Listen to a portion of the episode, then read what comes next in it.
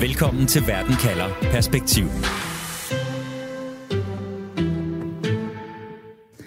Anna Lieberg, hvis du skal beskrive 2022 med et ord, hvad bliver det så?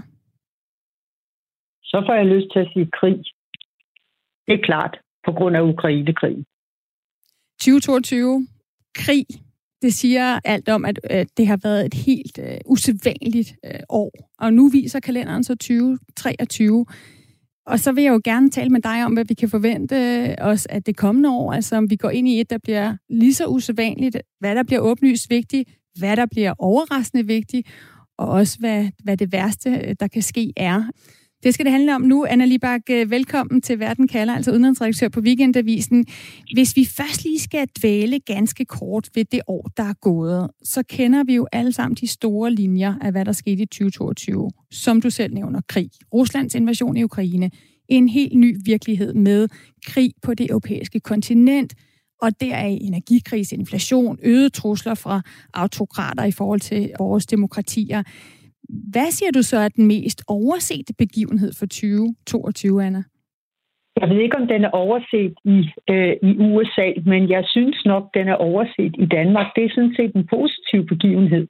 Det er, at der har materialiseret sig en republikansk øh, modkandidat til Trump, som øh, faktisk ifølge nogle meningsmålinger har rigtig gode chancer for at blive republikanernes øh, næste øh, præsidentkandidat, nemlig øh, Floridas øh, guvernør Ron DeSantis.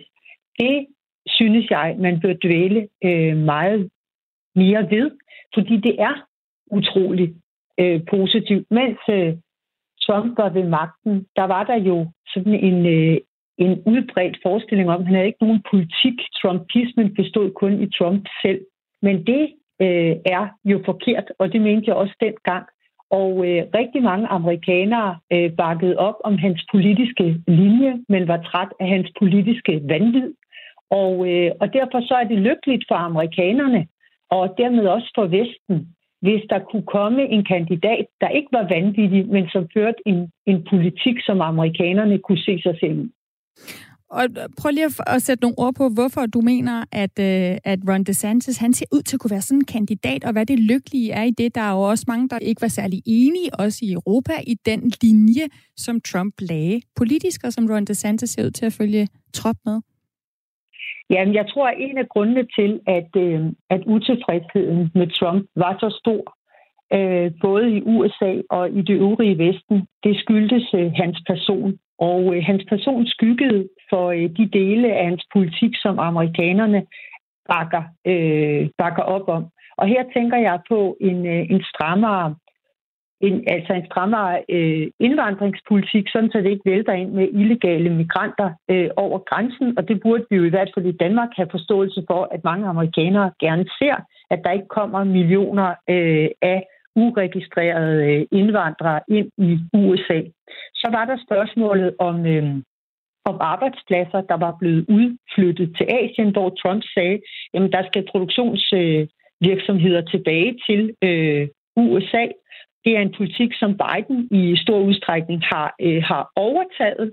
Øh, så var der inddæmningen af Kina, at Trump øh, var opmærksom på, at, øh, at Kina øh, havde et ønske om at dominere verden i højere grad, end, end Kina hidtil har gjort, og måske ikke bare øh, økonomisk. Og, øh, og det øh, er der også mange amerikanere, der, øh, der bakker op om. Og så var der spørgsmålet om NATO, hvor Trump jo insisterede på, at europæerne skulle bære en, øh, en større øh, byrde. De skulle i højere grad betale for deres egen sikkerhed, og det var der også mange øh, amerikanere, som støttede. Det, der var problemet med Trump, det var jo, at han altid, øh, han sagde America first, men det var jo Trump first, og øh, han var ikke demokrat. Altså han var jo endda øh, villig øh, til at forsøge at snyde sig til at blive siddende øh, på magten. Og det er jo utrolig øh, destabiliserende. Og derfor er det øh, lykkeligt, at der nu materialiserer sig en person, en fornuftig øh, person med en forudsigelig øh, politik. En republikansk præsidentkandidat, altså Ron DeSantis, som har, som har meldt sig, og som Trump jo helt tydeligvis også nu ser som en udfordring og er begyndt at gå, gå i kødet på. Godt, vi er blevet enige, Anna, om, at vi vil tale om, om to emner. Det ene er oplagt, altså det er, hvad sker der i forhold til Ukraine? Hvad sker der i forhold til Rusland og, og Putin? Og den her krig, kommer den til at stoppe? Hvad kan stoppe den?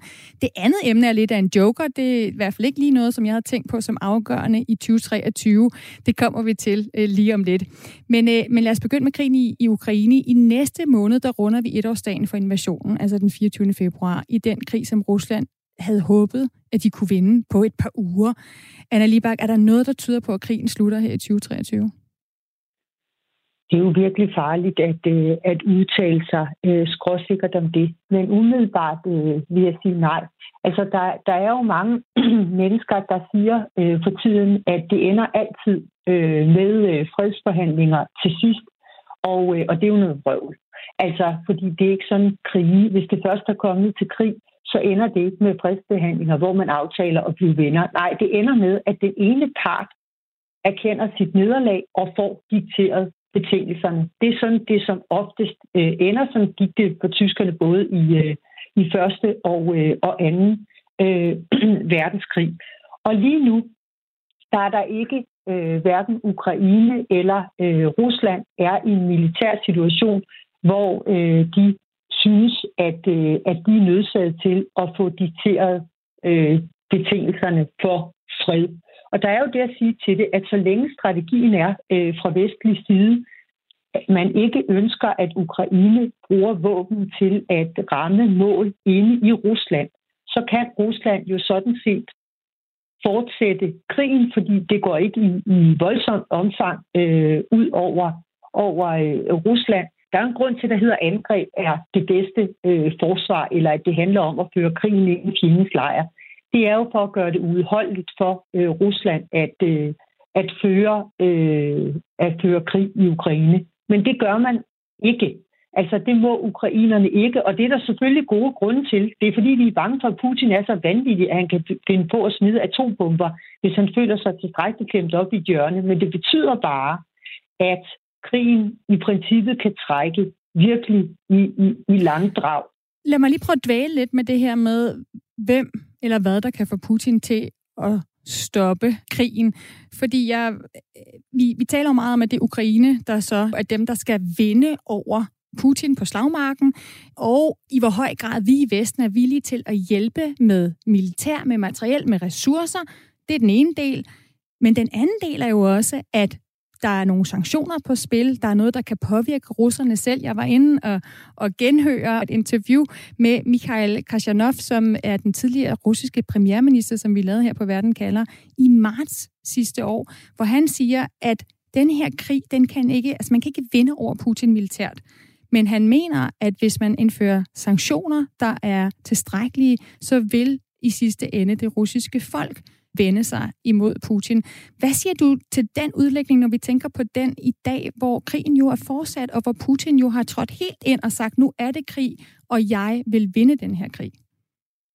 Jeg siger, at øh, det kan man slet ikke udelukke, at man har ret i, fordi vi har set nogle opstand mod øst, som var ganske øh, uventede. Vi så, at øh, Alexander Lukashenko, Hvideruslands diktator, da han forsøgte at blive, eller det lykkedes ham jo at blive genvalgt for sjette gang, men han snød sig øh, til sejren. Der blev folk så forbandet over det i Hviderusland, at, øh, at samlet en million hviderussere hen over øh, mange måneder gik på gaden og protesterede. Der er 10 millioner hviderussere, at en tiende del befolkningen med risiko for deres eget liv lige pludselig gør oprør. Det var der godt nok ikke nogen, der havde forestillet sig, at hviderusserne er muligt kendt for at være endnu mere øh, passive end, end russerne. Og det samme i Kazakhstan så vi lige pludselig som følge af, af høje energipriser i, i januar i 2022, altså for et år siden, at der gik folk i massevis på gaden og, øh, og krævede politiske forandringer, som de sådan set øh, fik øh, gennem øh, tvunget umiddelbart, at det så senere blev øh, rullet øh, tilbage på den måde at forstå, at den tidlige præsidenten der forlængede sin egen øh, præsidentperiode til, til syv øh, år. Øh, det, det, det, det modsiger ikke det, jeg siger om, at nogle folk, man slet ikke havde regnet med, havde det i sig. De pludselig forsøger at øh, protestere sig til politiske forandringer. Det kan godt ske i Rusland. Og derfor, øh, det er også derfor, jeg siger, at man skal virkelig passe på med at udtale sig øh, skråsikkert. Noget andet, der også kan ske, det er... Men må lige spørge, Anna Lieberg, mener du ja. så også, at det betyder, at når vi taler om, hvem der skal vinde krigen i, i, øh, i forhold til den krig, der foregår lige nu mellem øh, Rusland og Ukraine, altså vinde over Putin og få ham til at stoppe, så hænger det egentlig også stadigvæk på os. Altså det er ikke bare et spørgsmål om Ukraine og om slagmarken og om våben. Det er også et spørgsmål om, hvor hårdt vi presser øh, Rusland og Putin i forhold til helt at stoppe med at bruge gassen, helt at stoppe med at købe olien. Absolut. Altså, jo sværere vi gør det øh, for ham at føre øh, og, og, og føre krig, jo hurtigere øh, vinder øh, Ukraine. Men jeg hører ikke til dem, der mener, at Vesten skal sætte sig som mål at få øh, væltet Putin. Det ved jeg godt, at nogen gør. Jeg synes, det er for øh, ambitiøst. Jeg synes, at det, Vesten skal sætte sig som mål, jamen det er, at øh, det skal stå klart for russerne og for resten af verdens diktatorer, at det betaler sig ikke øh, at forsøge at tage øh, andre landes territorium med vold og med magt. Så russerne de skal tvinges tilbage til der, hvor de stod før den 24. Øh, februar. Og der er der mange, der siger, nej, men Krim er heller ikke øh, øh, russisk territorium. Det er ukrainsk. Det skal de også have tilbage, og de skal have hele Donbass tilbage. Og det har de fuldstændig ret i, i folkeretslig forstand. Men igen, Øh, altså, der vil jeg også mane til besindelse og sige, at øh, man skal passe på, hvad man ønsker sig. Men prøv lige at forklare øh, det. Hvorfor er det for ambitiøst at ville øh, stoppe krigen ved, at for eksempel at russerne selv vender sig imod Putin og forvæltet ham? Nej, det er ikke, øh, det er ikke for ambitiøst. Nej, det, øh, det, det er ikke for ambitiøst. Det synes jeg sådan set, vi skal gå efter. Vi kan bare ikke kalkulere med det.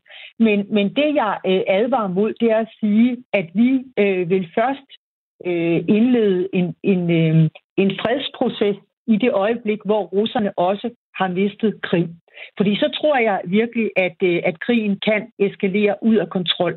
Jeg, jeg mener, at øh, russerne skal bringes tilbage til der, hvor de var før den 24. Øh, februar. Så tror jeg som nok, at øh, Putins regime skal være slut alligevel. Det tager bare øh, længere tid.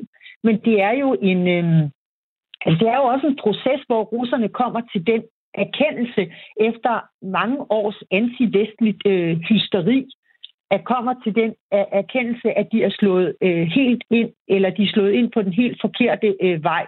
Og den proces, den skal man forsere, men man skal ikke forsere den øh, øh, for hårdt, for ikke at kaste verden ud i et, øh, et, et, et ragnarok. Men selvfølgelig skal vi stå fast på, at alt, hvad de russere har taget siden den 24. februar, det skal afstås igen.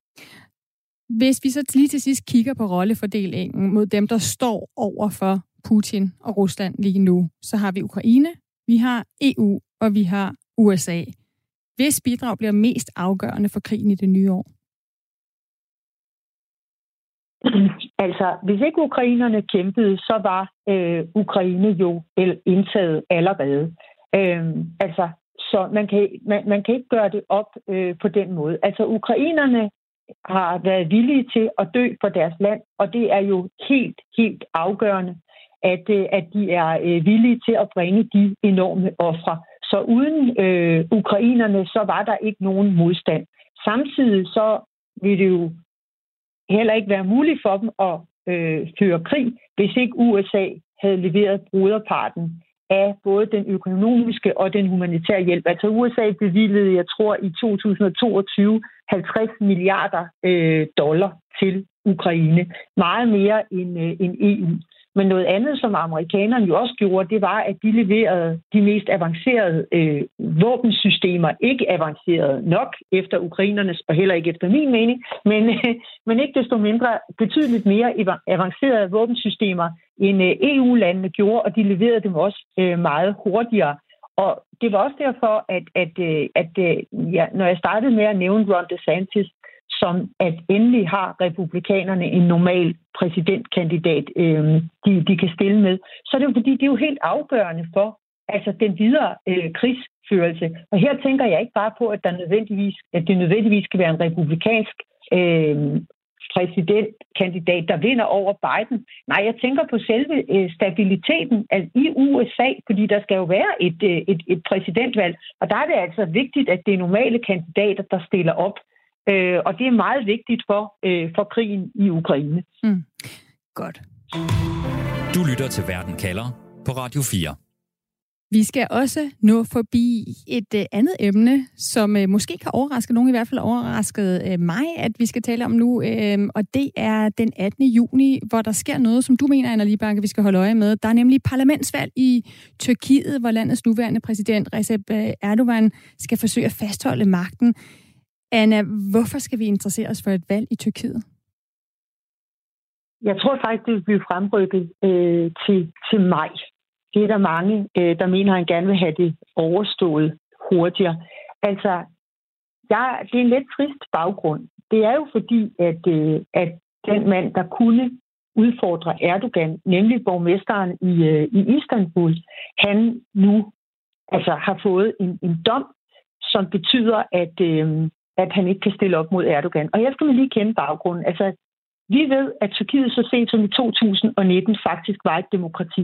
Et demokrati, det mest basale, er defineret ved, at der kan ske et fredeligt magtskifte. Det vil sige, at dem, der er ved magten, taber og trækker sig.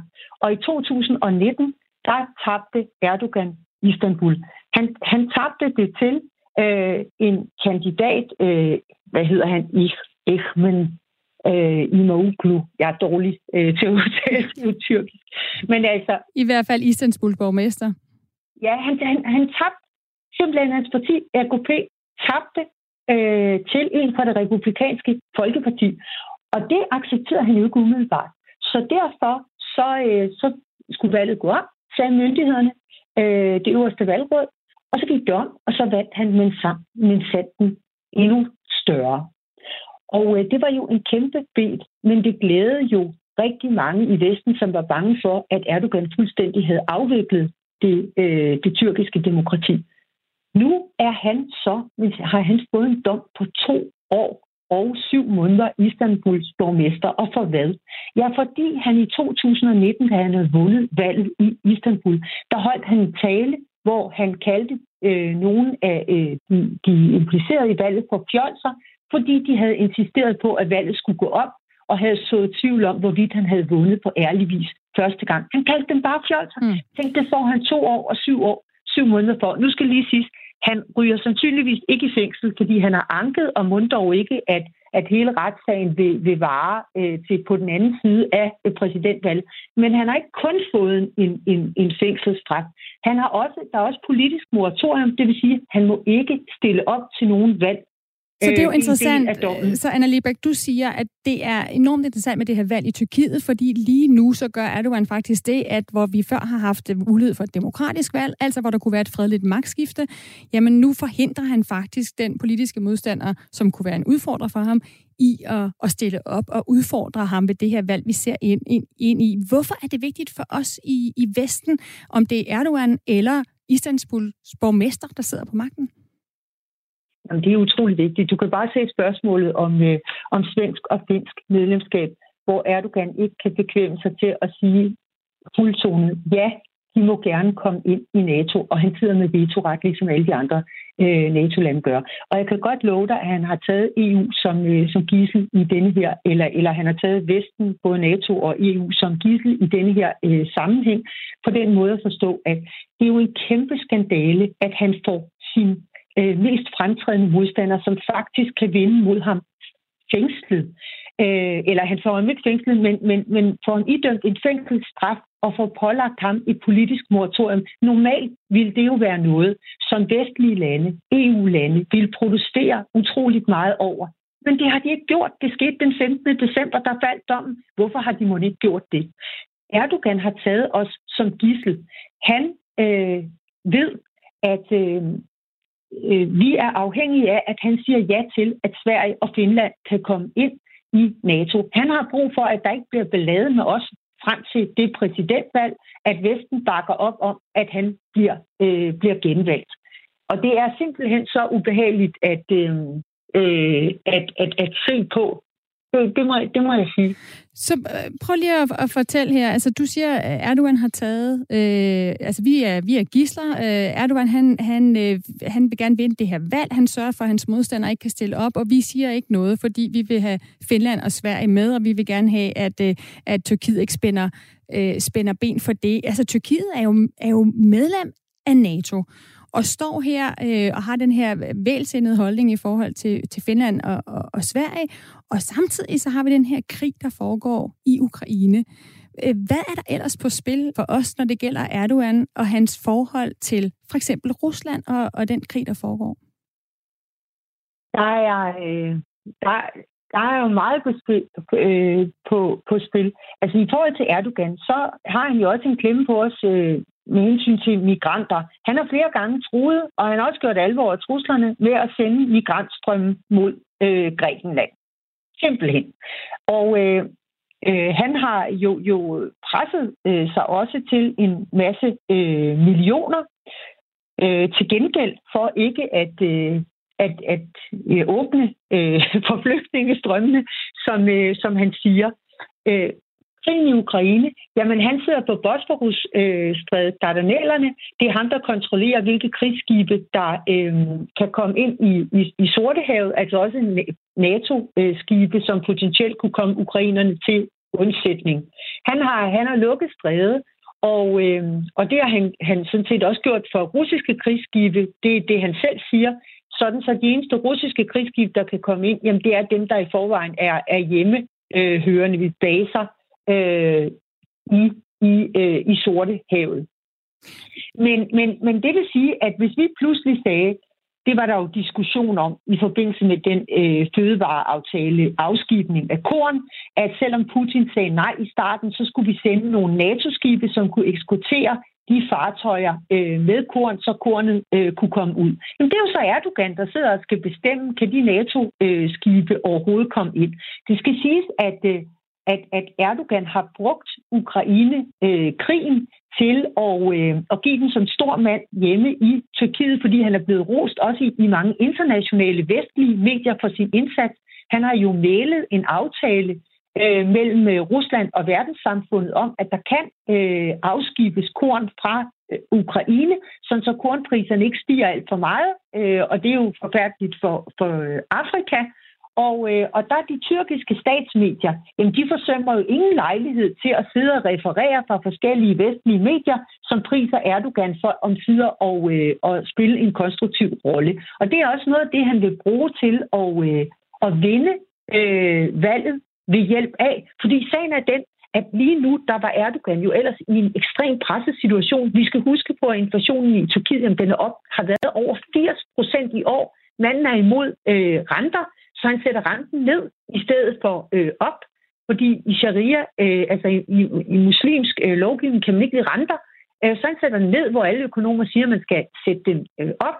Den tyrkiske ruin, eller økonomi er i øh, ruiner. Folk er dødtræt af, af, af migranter, der arbejder billigt i Tyrkiet. Han ville blive væltet, hvis ikke det var for de ting, han nu foretager sig rent strategisk for at se ud som den eneste der er garant for stabilitet. Og nu står han så i stedet for og er en, en storspiller øh, på den europæiske scene, på verdensscenen. Han har en klemme på os, og han sørger for, at hans modkandidat øh, ikke kan stille op imod ham med, ved det her tyrkiske valg, som du altså siger, vi skal holde rigtig godt øje med.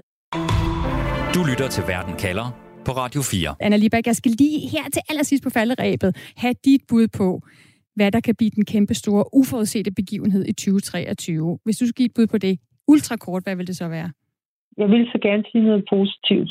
Men det, der kan blive den store uforudsete begivenhed, det er selvfølgelig, hvis Kina beslutter at bringe Taiwan ind under sig med magt. Altså, at de prøver at gøre det, som Rusland har gjort øh, i forhold til Ukraine, altså lave en invasion af Taiwan. Ja, fordi de skønner, eller en blokade, fordi de skønner, at, at tidspunktet er det rigtige nu, fordi Vesten ikke har kræfter til at modsætte sig. Vi har hænderne fulde øh, i i Ukraine. Jeg håber virkelig, virkelig, det sker, for det vil jo også få stor betydning for øh, ukrainerne, men det er nok den begivenhed, jeg, øh, jeg frygter øh, allermest. Det positive vil jeg så sige, for jeg har lyst til at sige noget positivt her på falderæbet, det er, at jeg tror, at Vesten står fast over for Putin, fordi at de fleste i de vestlige øh, befolkninger kan kende en mm. aggressor, når de ser ham. Anna Libak, udlandsredaktør på Weekendavisen. Tusind tak, fordi du var med, og godt nytår. Ja, godt nytår. Der er altså tre ting, vi skal holde øje med i 2023. Den åbenlyse, krigen i Ukraine, den allerede lidt oversete valget i Tyrkiet, og så her til sidst den her begivenhed, som kan tage hele verden med bukserne nede, hvordan Kina forholder sig i forhold til Taiwan, om de eventuelt overfalder Taiwan. Uanset hvad øh, der sker i løbet af året, så kan du få perspektivet på det her i Verden kalder med mig, Stine Krohmann Dragsted. Vi sender fremover mandag og torsdag mellem 17 og 18.